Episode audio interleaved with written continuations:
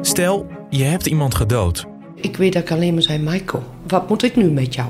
Of iemand iets anders verschrikkelijks aangedaan. Als dit echt is wat jij gedaan hebt, dan is het wel heel erg. Schiet er nog vol van.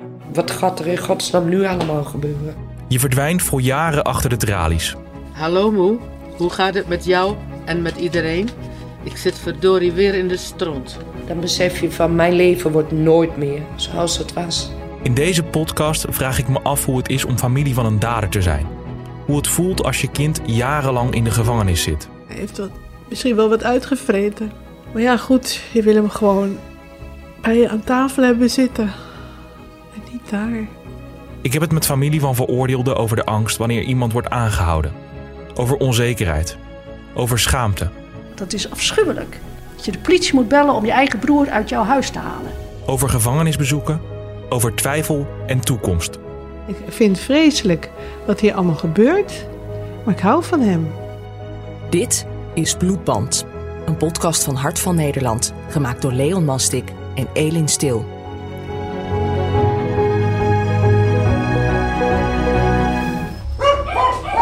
In deze derde aflevering zijn Elin en ik te gast bij de 63-jarige Ria. Dag Leon, dag Elin, ik ben Ria. Wat uh, mooi en mooi. Ze woont landelijk, in een vrijstaand huis in de provincie Groningen. Ze brengt de honden naar een aparte kamer. Ons leidt ze naar de grote woonkeuken. Het is de plek waar haar verhaal een paar jaar terug begint. Ik stond hier in de keuken en uh, ik werd gebeld door de vriendin van mijn zoon. En die zei: uh, uh, Mark is opgepakt door de politie. Ik zei: Oh, wat, waar, waarvoor dan? Wat is, dat? wat is er? En toen zei ze: Ik weet verder niks.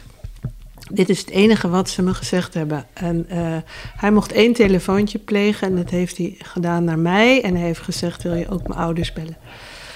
Dus dat heeft ze gedaan. En verder wist ik niks. En dan schrik je en dan denk je: Nou ja, misschien uh, hoor ik morgen wat van hem.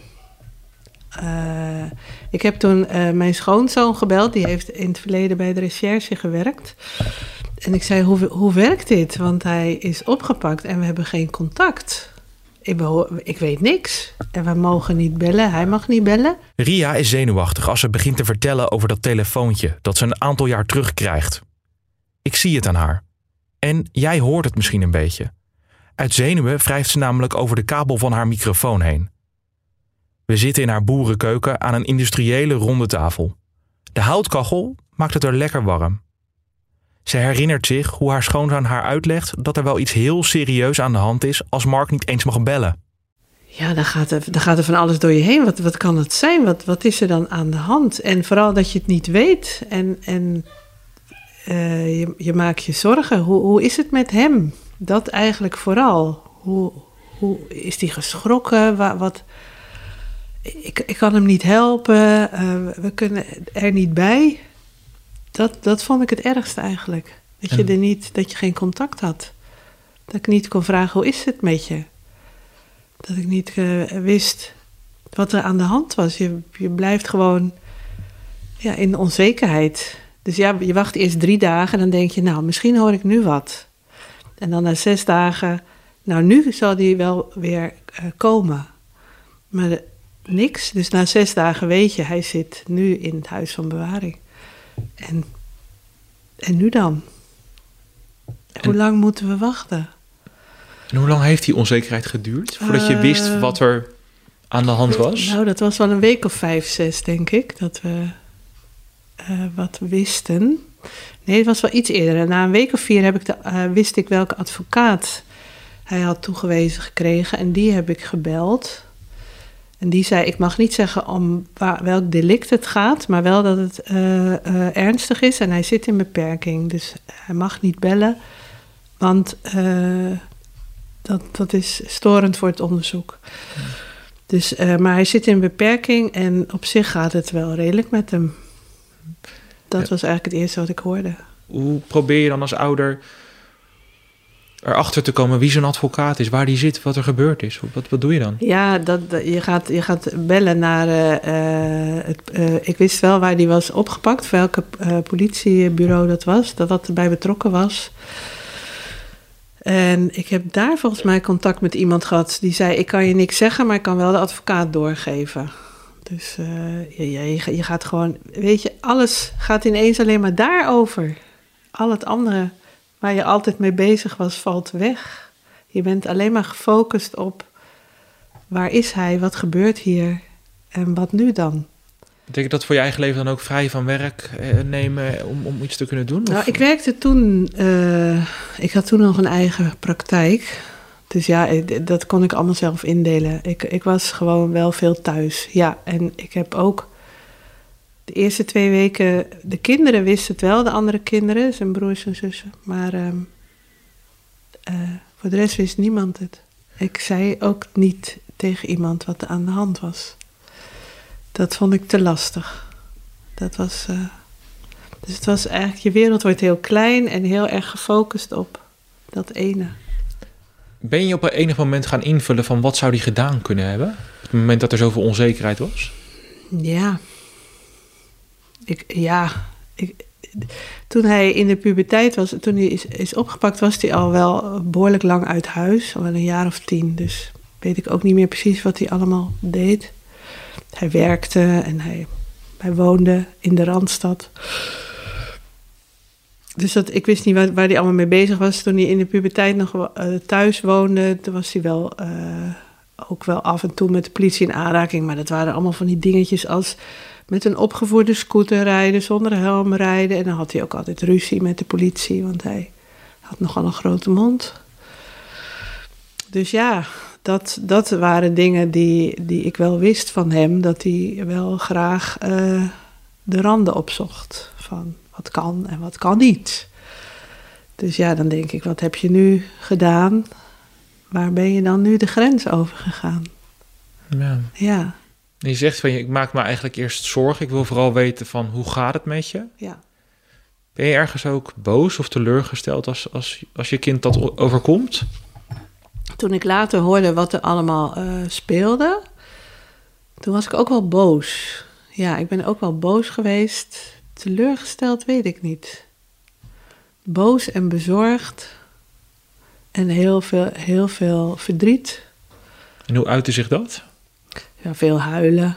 Eh, en, en, en zodra ik wakker werd, was ik eh, in gedachten in een of andere cel die ik me zo voorstelde waar hij dan zou zitten.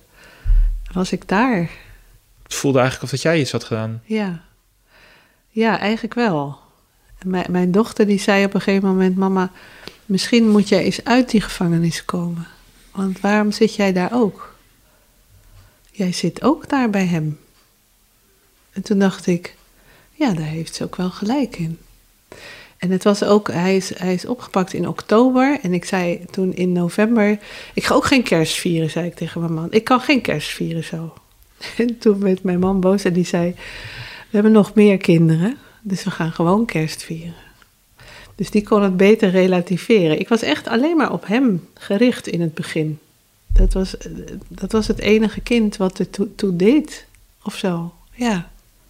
Kun je dat verklaren, waar dat gevoel dan vandaan komt? Ja, een stuk zorg en een stuk. Je wil gewoon weten wat er is en wat je. Je wil iets doen om te helpen. Dat ook, denk ik. Ik, ik wil iets doen. Iets, iets regelen, iets eh, uitzoeken. Eh, ja, wat is dit dan? Zo. Maar ja, dat kon niet in het begin. Nee. Je moet gewoon wachten. Ja. Ja. Wachten tot je hoort wat er, wat er gebeurt en waar die van verdacht wordt en hoe dat nu verder gaat. Want ja, dat wist ik ook allemaal niet. Dat heb ik ook nooit eerder bij de hand gehad. De eerste weken weet Ria niet hoe zij zich voelen moet. Wat heeft Mark gedaan? En ook, hoe reageren vrienden en familie op zijn aanhouding? Ja, ik weet dat, dat schaamte was ook een heel groot ding. Vooral in het begin, eh, dat is in de loop van de jaren wel veranderd. In het begin schaamde ik me heel erg. Maar mijn beste vriendin, met wie ik alles eigenlijk deel, eh, heb ik het pas na twee weken verteld dat hij was opgepakt. Dus zij wist het ook pas na twee weken. Toen zei ik van, ik moet je iets ergs vertellen. Mark is opgepakt en hij zit in het huis van bewaring. Ik weet niet wat er is, maar toen zei ze, maar waarom heb je dat dan niet eerder gezegd? En toen moest ik huilen en toen zei ik, ik schaam me gewoon zo. Ik schaam me zo dat mijn kind daar zit. Dat, dat voelt zo als falen als moeder. Van waarom heb ik hem daar niet voor kunnen behoeden? Wat heb ik verkeerd gedaan? Je zei net eigenlijk drie emoties, hè? noem je een beetje, of tenminste schaamte, verdriet en boosheid ook. Hoe uitte dat zich? Ja, boosheid, dat was bij, bij momenten dat ik dacht, nou ja, als je dan eh, eh, een fout hebt gemaakt, dan moet je ook maar, eh, ja, wie zijn gat verbrandt, moet ook maar op de blaren zitten. En wat doe je me aan? Wat doe je ons aan? Snap je dat wel? Want het heeft heel veel effect natuurlijk. Hè? Ik bedoel, als je iets doet wat niet door de beugel kan en je komt in de gevangenis terecht, dan heeft het niet alleen effect op jezelf, maar ook op je, op je familie en op je, nou ja, zijn vriendin bijvoorbeeld. Die zat er ook vreselijk mee, daar heb ik ook veel mee gepraat. Op je broers en zussen, op vrienden, op van alles en nog wat. Dus eh, het, is, het is net zo'n zo'n rimpel-effect eh, als je een steen in het water gooit. Hè? Je krijgt steeds meer effecten. Het, het gaat ver. Na weken van radiostilte kan Ria haar zoon eindelijk spreken. Ze mogen bellen. Na een week of zes had ik hem aan de telefoon. Dat was echt heel bijzonder en heel emotioneel. Want toen kon ik eindelijk vragen van hoe gaat het met je? Lukt het allemaal een beetje daar? Want ja, hij had natuurlijk ook nooit eerder vastgezeten op die manier. En eh, ja, dat is, dat is gewoon. Dan wil je toch weten, lukt het je? Daar in, in het huis van bewaring tussen allemaal mensen die je niet kent en eh, die allemaal vastzitten. En allemaal eh, ja, een achtergrond hebben die niet heel positief hoeft te zijn.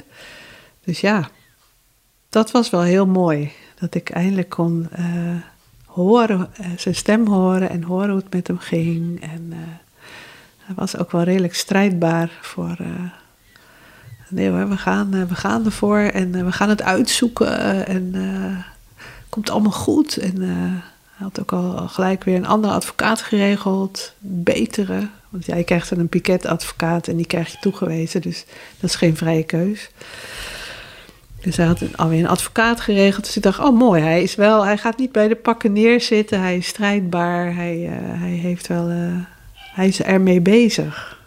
Tijdens het telefoongesprek komt ook die onvermijdelijke vraag. Heeft Mark inderdaad gedaan waar het OM hem van verdenkt? Vraag je dan als moeder, zoals mijn moeder dan wel eens doet, van uh, ik wil de waarheid weten, Leon? Ja, heb ik hem ook gevraagd. Is dat moeilijk? Ik heb het gevraagd en hij zei: Ik heb het niet gedaan. En toen dacht ik: Oké, okay, ja. Dan is dat jouw waarheid. Ik weet het niet. Ik was er ook niet bij. Ik, ik weet het niet. Mark zit dan in een gevangenis in de Randstad. Hij vraagt zijn moeder om hem snel te bezoeken. Ja, toen ben ik daarheen geweest, tuurlijk. Vond ik alleen maar leuk om hem eindelijk weer te zien. En helemaal daarheen gereden samen met een vriendin. Die ging met me mee. Die zei, je gaat niet alleen. En uh, we gaan samen. Uh, dat was, uh, de eerste keer was heel, heel moeilijk om in de gevangenis te komen. Ja, ik vond het heel moeilijk. Um, je moet, ja, je, je moet natuurlijk je idee laten zien. En voor wie kom je? Nou ja, dan moet je, de naam van je zoon zeggen. Want die zit daar. En jij bent dus de moeder van de gedetineerde. En dan moet je door zo'n poortje en je tas uh, uh, wordt dan in zo'n dingetje, zo'n sluis gecheckt. En ja, dan moet je wachten in een wachtkamer met allemaal andere bezoekers. En iedereen staart een beetje voor zich uit. Ik vond het echt heel beklemmend. Heel naar was dat. Nou ja, en dan in die bezoekzaal, daar zat ik en daar kwam hij ook ja, dat was heel mooi. Ik mocht hem heel eventjes uh, een huk geven. Niet te lang, maar heel kort. Ja, gewoon gepraat. En, en met het afscheid, dat was het raarst. Want toen had ik de neiging om te zeggen... nou, ik vind dat deze onzin nu maar klaar moet zijn. We gaan, kom mee. Maar dat kon niet, want hij mocht niet mee. Hij moest daar blijven en ik moest weer naar buiten. Maar deze onzin, zoals Ria het dan nog noemt, is voorlopig niet klaar. Want er ligt nogal wat bewijs tegen Mark. Zo hoort zijn moeder in de eerste proforma-zitting, die een paar maanden na zijn aanhouding is. Ja, en ik, ik weet wel dat ik dacht, ja, als dit echt is wat jij gedaan hebt, dan is het wel heel erg. Dan is het wel heel erg. Het OM verdenkt Mark namelijk van betrokkenheid bij een zeer gewelddadige gewapende overval in de Randstad. Hij zou niet bij de overval zelf zijn geweest, maar alles hebben voorbereid, zegt de officier van justitie. Op de publieke tribune kan Ria haar oren niet geloven.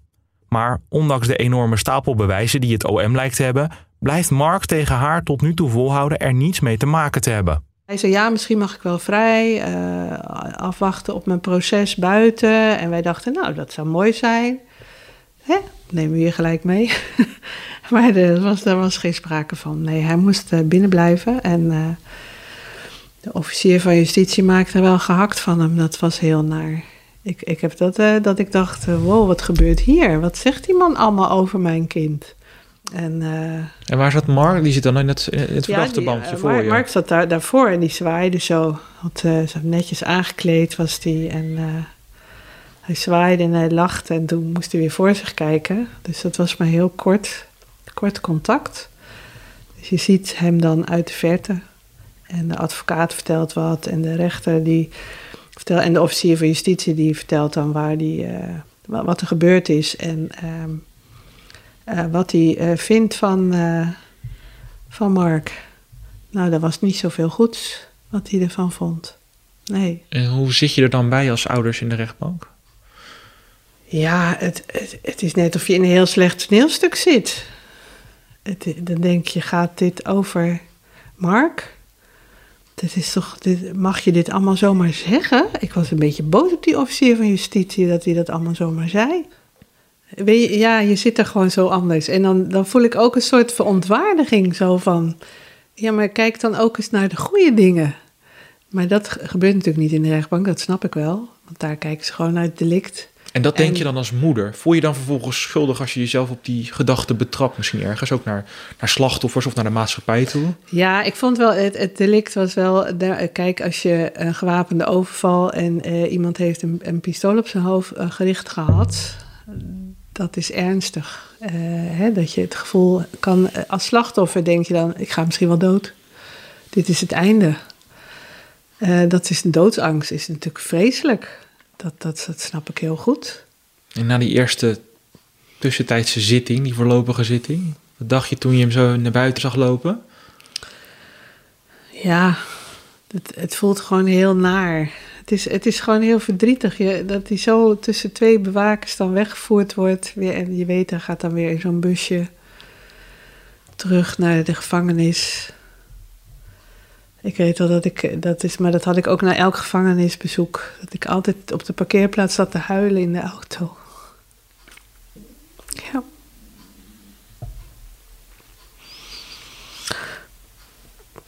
Dat komt nu allemaal weer terug. Het is heel gek. Het een tijd terug, maar. Ja, het is je kind. En hij heeft wat, misschien wel wat uitgevreten. Wat erg is. En dan moet hij ook de gevolgen van dragen. Dat heb ik ook altijd vroeger gezegd. Als je iets fout doet, dan zijn de consequenties voor jou. Ja. Maar ja, goed, je wil hem gewoon bij je aan tafel hebben zitten. En niet daar. Welk beeld raak je op dit moment zo? Die keren dat ik uit de gevangenis wegliep en hem daarachter moest laten. Terwijl ik dacht, je hoort gewoon hier bij ons in de familie. Je bent gewoon helemaal naar buiten. Je doet niet meer mee.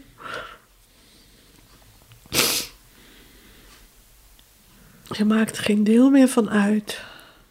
Dat dat beeld nu zo sterk terugkomt, komt omdat ook de rechter Mark uiteindelijk schuldig acht. De straf zes jaar cel. Ria bezoekt haar zoon week in, week uit. Telkens opnieuw dat gevoel. Toen, ja. En zo lang, hè. Als het nou een jaar was, dat is ook al lang. Hij zou in principe vier jaar binnen moeten blijven. Maar door goed gedrag mocht hij wat eerder naar open kamp. Dus ja, heeft wel goed gedaan daarbinnen. Gek genoeg ben je daar dan ook nog een soort van trots op. Gek, hè? Dat hij gewoon zijn best doet daarbinnen. En eh, een opleiding doet. En eh had ik dacht, goed zo. Ja. Het allemaal heel raar. Want je weet gewoon, en heel veel mensen heb ik ook niet verteld dat hij in de gevangenis zat. Want ik weet gewoon, die hebben een oordeel. Iemand die in de gevangenis zit, die is slecht. Iemand die in de gevangenis zit, die moet je niet. En dat is dan je kind. Waar men zo over denkt. Aan hoeveel mensen heb je het uiteindelijk durven vertellen dat je zo'n verdachte was en uiteindelijk ook veroordeeld is voor zo'n delict? Nou ja, de familie hebben we het wel verteld. Mijn zusje. Mijn, mijn zusje die houdt heel veel van hem. Die stond ook heel erg aan mijn kant. En eh, zussen van mijn man. En eh, ja, En wanneer heb je dat verteld? Was dat, eh, nou eigenlijk toen, toen het de rechtszaken gingen lopen, zijn een aantal rechtszaken geweest. Een aantal keren.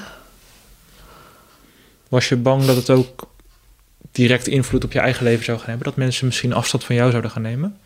Nou, de mensen die ik heel goed ken, maar ik heb eh, eh, drie hele goede vriendinnen. Dat is, vind ik al heel veel. En, en je hebt ook kennissen.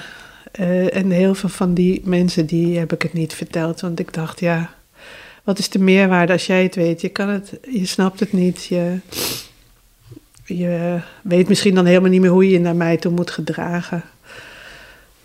En is Eh, dat soms moeilijk? Want zeker als het zo'n lange tijd is, dan zal een kennis, als je die eens een keer tegenkomt, ook wel eens vragen: Ja. hoe is het met de kinderen? Ja, ja, dan hield ik me op de vlakte. Goed. Gaat goed. Ja, allemaal prima. Ja, en dan vertelde ik gewoon van andere kinderen iets leuks of zo. Ja, en als ze dan vroeg hoe gaat het met pa, ik zeg, oh gaat prima. Is lekker aan het werk. In de gevangenis, dacht ik dan. Maar goed, ja. Ja, zo gaat het dan, hè? Ja, het was wel een intensieve tijd. Als ik nu weer terug ga. Die intensieve tijd duurt en duurt maar. Jarenlang gaat Ria eens per week op bezoek. En er zijn in totaal honderden telefoontjes die ze plegen. Maar het was wel heftig, moet ik zeggen. Het was heel heftig. Hij, bel, hij belde bijna elke dag hierheen. Eventjes praten.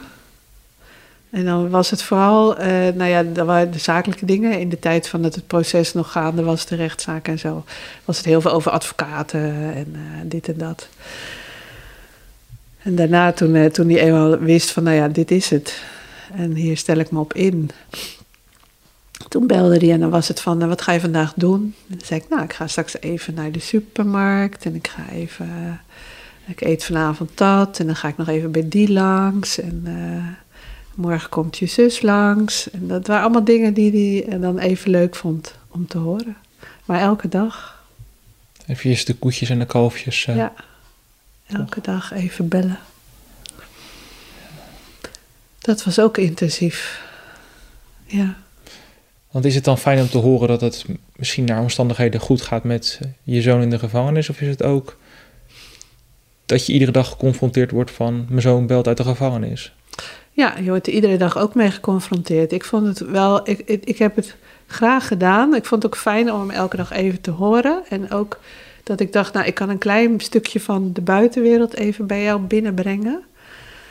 Ehm, en eh, aan de andere kant was het ook wel, ik zag hem in gedachten dan staan bij die telefoon. Daar binnen. Ja. En dat is ook wat je dan, als je op bezoek gaat ook, hè. Ik ben wel eens helemaal om de gevangenis heen gelopen. En dan dacht ik, wat raar is dit eigenlijk, dit systeem. Ik snap het systeem wel. ehm, maar toch vind ik het raar. Toen dacht ik, er zitten daar een paar honderd mannen binnen. Allemaal mannen. En dat is hun wereld, dat gebouw, dat stenen gebouw. Dat is hun wereld. En toen dacht ik, wat raar is dit. Ja. En ik weet ook dat ik toen ook wel eens... Ik wist waar die zat. Ik kon... eh, had hij me gezegd, ik zit op die verdieping, dat raampje. Ik ben ook wel eens daar gaan staan. Van een afstand kon ik hem zien. Dus zwaaide die naar mij. Dat hebben we ook wel gedaan. Dat was ook heel grappig. Is dat een mooie herinnering, dit? Ja. Ja. Dan is net, het is een beetje alsof je je hand tegen het glas legt en de ander ook. de. Het glas zit er nog wat tussen. Het gebouw zit er tussen en toch is er heel even contact. Buiten de gevangenismuren ziet Ria ondertussen het hele leven van haar zoon instorten. En wat hij ook gedaan heeft, dat raakt haar als moeder enorm. Heel veel van zijn vrienden die zijn afgehaakt. Hij had een heleboel vrienden. En er zijn er misschien nou een handvol, vijf van overgebleven. De rest is afgehaakt. Dat was wel ehm, pijnlijk. Voor hem ook. Maar ook voor jou. En voor mij ook. Zijn vriendin is ook afgehaakt. En heb ik ook, ze zei, ik vind het heel moeilijk. Ik kan het niet zo lang wachten. Ik kan niet naar die gevangenis. Ik weet, ik kan er niet mee omgaan. Ik heb ook gezegd, ik snap het. Vind het heel jammer, maar ik snap het wel. dus ja, die zijn we ook kwijtgeraakt. Het is heel veel verlies, hè? Ja, dus ja, je, je raakt heel veel mensen kwijt in de gevangenis. Ja, de mooie herinneringen, dat zijn dat hij gewoon heel hard zijn best ging doen om eh, diploma's te halen en aan het werk te zijn. Gewoon zoveel mogelijk van cel af. En, eh, dat eh, hij, kijk, ze mochten zelf in het weekend koken daar. Vertelde hij wat ze allemaal hadden gemaakt. Dus je gaat op een ander level eh, gewoon praten over dat soort dingen. Wat doe je daar allemaal? Dat doen ze nog best veel. Het moet op een gegeven moment ook weer een beetje normaal worden in je gevoel. Precies, je gaat een beetje van, nou ja, jij, jij zit nu daar en het is niet voor twee maanden, het is voor een langere tijd. Dus we gaan maar gewoon kijken van, eh, wat doe je daar dan? Ja. Waar ben je mee bezig? En eh, eh, ik nam, bracht ook wel ja, kleding soms mee, als dingen versleten waren of hij had iets nodig. En boeken, ook wel gedaan. Hij wou wel lezen. Ja, hij heeft daar binnen wel gelezen. Hij is helemaal geen lezer, maar daar ging hij boeken lezen. Vond ik wel leuk. Dat zijn wel leuke herinneringen, ja. Ja, Hoewel het leven met een kind in de gevangenis misschien normaal begint te voelen, is er toch na ieder bezoek weer de pijn bij Ria. Maar het is niet de pijn van zichzelf die ze als eerste ziet. Het is de eenzaamheid van de medegevangenen van Mark die haar opvalt tijdens zo'n wekelijks bezoek. toen mijn zoon zei, er zitten hier mannen die krijgen nooit eh, bezoek. Toen, eh, toen dacht ik, dat vind ik erg. En ik eh, had gehoord van gevangenenzorg. Van een vriendin van mij, die werkt daar wel eens als vrijwilliger. Dus ik dacht, ik ga gewoon me aanmelden als vrijwilliger bij gevangenenzorg. We gaan hier wat goeds uitmaken. Toen had ik kreeg ik een traject, eh, werd ik voor gevraagd. Dat was van een echtpaar die hun zoon was net opgepakt voor een vrij ernstig delict. En die wilde iemand om mee te praten. Toen ben ik daarheen gegaan, twee keer of twee of drie keer geweest. En toen dacht ik, dit kan ik niet, dit breekt me op. Dit lijkt veel te veel op mijn eigen proces. Maar je dacht dus eigenlijk Dus meer dacht- aan anderen dan dat je Ja. aan jezelf dacht. Ja, precies. Dus ik dacht, ik ga dan eh, iemand bezoeken. Dat eh, leek me wel Ja, zinvol. alleen Mark is nog niet, eh, daar heb ik het nog niet Nee. moeilijk genoeg mee. ik ga ook nog even wat anders doen. Ja, ja. En toen heb ik gebeld naar gevangenenzorg. eh, en ik heb gezegd, ik kan dit traject niet doen. Want het lijkt veel te veel op mijn eigen traject. En ehm, ik, ik trek dat niet. En toen zeiden ze, heb je zelf wel hulp eigenlijk? En toen zei ik, nee. Ehm, nee, heb ik niet. En toen zeiden ze, zou je het willen? Dus toen heb ik teruggebeld na een week en ik zei: Ja, ik zou toch ook wel graag zelf hulp willen van iemand. En uh, toen kwam er een vrijwilliger voor mij hier aan huis. Een vrouw. Ja, daar heb ik hele goede gesprekken mee gehad. En ik heb, in, ik heb de eerste paar keren alleen maar heel veel gepraat. Het was net alsof er een dam doorbrak. Alleen maar praten, praten, praten. Dat was gewoon zo bevrijdend. Het was gewoon bijna bevrijdend. Ja, dat was het. Gewoon praten. Was dat voor je eigen gevoel het moment dat je zelf die cel, die denkbeeldige cel, uit kon? Ja, toen dacht ik, ja, wacht even, ik ben er zelf ook nog. Ik heb zelf ook een stuk uh, wat aandacht nodig heeft. De aandacht is niet alleen maar voor Mark en voor de detentie en voor mijn andere kinderen die het er ook moeilijk mee hebben. En voor de, nou in het begin dan nog zijn vriendin. En uh, dat, nou mag ik, nou mag ik eens praten. De hulp die ze krijgt helpt Ria uiteindelijk dus door te gaan met leven. En in dat leven is ze nog altijd vrijwilliger bij gevangenenzorg. Ze geeft cursussen en begeleidt gevangenen en naasten van gedetineerden. Vertel je de mensen bij wie je langs gaat ook je eigen verhaal? Soms wel, ja. Ja, ja. Ik heb daar uh, nu geen moeite meer mee. Nee. Nee, als ik iemand. Want het, het helpt ook als je als je bij iemand langs gaat die uh, ook een kind in de gevangenis heeft, of, of, of een partner of wat dan ook, dat je zegt: Ik kan me voorstellen hoe je je voelt, want ik ben ook in die situatie geweest. Ik weet hoe het voor mij was. En het is natuurlijk per persoon verschillend. Maar ik weet hoe het is. En ook met uh, gedetineerden. Ik heb toen uh, met een van die jongens die cursus gedaan. En ik heb ook gezegd, ik heb ook een zoon. Dat was toen nog, toen mijn zoon in de gevangenis zat. Mijn zoon zit ook in de gevangenis. En dat het toen ineens schoof er iets. Zo van, oh maar jij begrijpt beter wat het is. Dan iemand die dit allemaal niet aan de lijve meemaakt. Ja. Heb je het idee dat er veel onwetendheid is of onbegrip is over de familie of vrienden van een verdachte of voordeelde? Ja, ik denk het wel. Ik denk het wel. Ik heb wel met, ook met familie van gedetineerden gesproken in de wachtruimtes. Je kwam soms dezelfde mensen natuurlijk tegen. En dan op een gegeven moment zeiden, oh, van het weekend mag hij op verlof. En nou, dan hadden we het daar even over. En dat zeiden van, ja, uh, dan hoef ik tenminste niet meer hier te komen. Want ik voel me hier altijd uh, alsof je ook een beetje crimineel bent, omdat je familie bent. Want ja, je, je man of je kind is crimineel. Dus jij zal ook wel een beetje hmm, in die richting zitten of zo. Ik, ik herken dat gevoel heel sterk hoor. Ik heb dat ook wel gevoeld. Vooral in het begin. Dat ik dacht, ja, daar zit je dan. Moeder van een gedetineerde. Er zal met jou ook wel wat zijn. Misschien wel mensen die, die hè, mijn verhaal horen en die mij niet kennen, die dan denken: Nou ja, je hebt wel uh, lekker zo'n kind, zeg.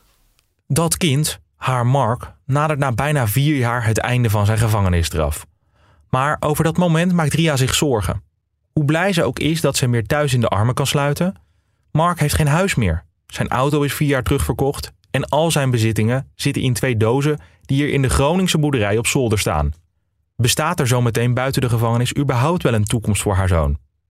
Het zijn de zorgen van een moeder, die ondanks alles wil dat het leven straks weer normaal is. Je bent ex-gedetineerde, je komt niet zomaar overal aan het werk. Nee, je diploma's komen uit de gevangenis, dat zien ze wel. Dus allemaal dat soort dingen. Uh, ja, je, je, hebt, je koopt een autootje, dan kan je niet zomaar verzekeren. Dan moet je ineens weer een hele dure verzekering afsluiten. Omdat, weet je, je wordt daarna ook nog verder gestraft. Je hebt je straf uitgezeten, maar je bent nooit klaar. Dat vind ik erg. Dat vind ik erg. En dus is de dag dat Mark vrijkomt een spannende. Twee jaar terug is het dan eindelijk zover. Hoe was het bij Mark toen hij vrijkwam? Velmers ook mee? Nee, die, die hebben we opgehaald. En, uh, Hoe was dat? Die hebben we opgehaald en die, het eerste wat hij zei was... Kunnen we naar de McDonald's? en, en toen ging hij ondertussen, zei hij, mag ik jou... eh, Mag ik jouw mobiel even gebruiken? Want dan bel ik eventjes. eh, eh, nou ja, zijn broers en zussen die in Groningen wonen. Heeft hij gebeld en die waren ook bij de McDonald's. Dus het was heel, heel raar eigenlijk dat hij vanuit intentie. zaten we ineens met elkaar bij de McDonald's en was hij weer terug in het gezin. Het was eigenlijk heel ja, bizar, maar wel mooi. ja. Toen heeft een poosje hier gezeten. eh, bij ons ingewoond. Had nog enkelband ook. Dus ja, dan komt er hier iemand en die zet zo'n zendertje neer. is ook heel gedoe met zo'n enkelband, want dat ding gaat op de gekste tijden af. Terwijl je niks bijzonders doet. Maar goed, dat, dat regelde hij dan verder. En daarna heeft hij eh, eh, woonruimte gezocht in de stad en een baan. Hij werkt nu gewoon. Gewoon een reguliere baan. Eh, niet, ja. En je zei net van het systeem zorgt er misschien wel voor dat mensen dan niet genoeg houvast hebben, waardoor ze misschien wel weer in de fout kunnen gaan. Ben je daar nog bang voor geweest? Of misschien nog steeds wel voor dat het bij Mark zo is? Ja, dat zou kunnen. Ik, ik, heb ook, ik heb wel tegen hem gezegd: als dit ooit nog weer een keer gebeurt. Ik weet niet of ik weer zo intensief erbij betrokken kan zijn. Ik weet niet of ik het nog een keer op kan brengen. Om dat nog een keer te doen, zo op deze manier. Want als je die, die som opmaakt, wat heeft het je Het, Gekost? Ja, heel veel energie, heel veel zorgen, heel veel eh, verdriet. Ja, dat vooral. Maar ook wel goede dingen. Leren omgaan met schaamte heb ik wel geleerd. En ook dat ik eh, op een gegeven moment zat ik in de auto terug uit de gevangenis naar huis. En toen dacht ik, toen was ik eh, boos en verdrietig. En toen dacht ik, en toch hou ik van hem. Dat is gek. Ik vond het eigenlijk een beetje gek. Dat ik dat ineens zo sterk voelde. Dat ik van hem hield. Dat ik dacht, ja, het is wel mijn kind. Ik hou van hem. Ik vind het vreselijk wat hier allemaal gebeurt. Maar ik hou van hem. En dat, dat ik dacht, god, dat stukje gaat niet weg. Daar was ik wel heel blij mee. Eigenlijk. Was Ja. het opluchting toen je dat realiseerde? Ja, het was, het was, het was ja, iets heel moois. Het was iets heel moois. Dat ik dacht, ja, dat, zo zie je dat, dat eh, je van je kinderen onvoorwaardelijk houdt. Hè? Want hij kan in de gevangenis niks voor je doen. Helemaal niks. Hij kan niet komen en zeggen, zal ik je even met dit of dat helpen? Nee. Eh, en toch blijft dat houden van bestaan. Ondanks dat iemand niks voor je kan doen. De pijn, de schaamte, de tranen, het verdriet, de onvoorwaardelijke liefde voor een kind. Het zijn allemaal dingen die ik me ergens kan voorstellen. Maar er blijft één vraag branden. Wil een moeder niet voor eens en voor altijd de waarheid van haar eigen zoon horen, voordat ze verder kan? Nou, ik had het wel graag geweten. Zowel als het niet zo was, dat het gewoon duidelijk was van, nou, dat kan helemaal niet. Ja, Het is helemaal niet, het is helemaal, helemaal onlogisch, dit verhaal van de rechtbank. Of dat hij had gezegd van, ik heb het wel gedaan. Want dan, de, de, het niet zeker weten is best wel lastig. Ja, ja. En ben je als moeder ooit klaar? Dat is een goede vraag. ja, ik, ik kies ervoor om klaar te zijn met dit stuk. Ja. En naar de toekomst te kijken. En eigenlijk is het vooral het leven in het hier en nu. Vandaag gaat het goed. Vandaag is hij gewoon aan het werk. Hij heeft hier een leuke vriendin. Vandaag gaat het goed.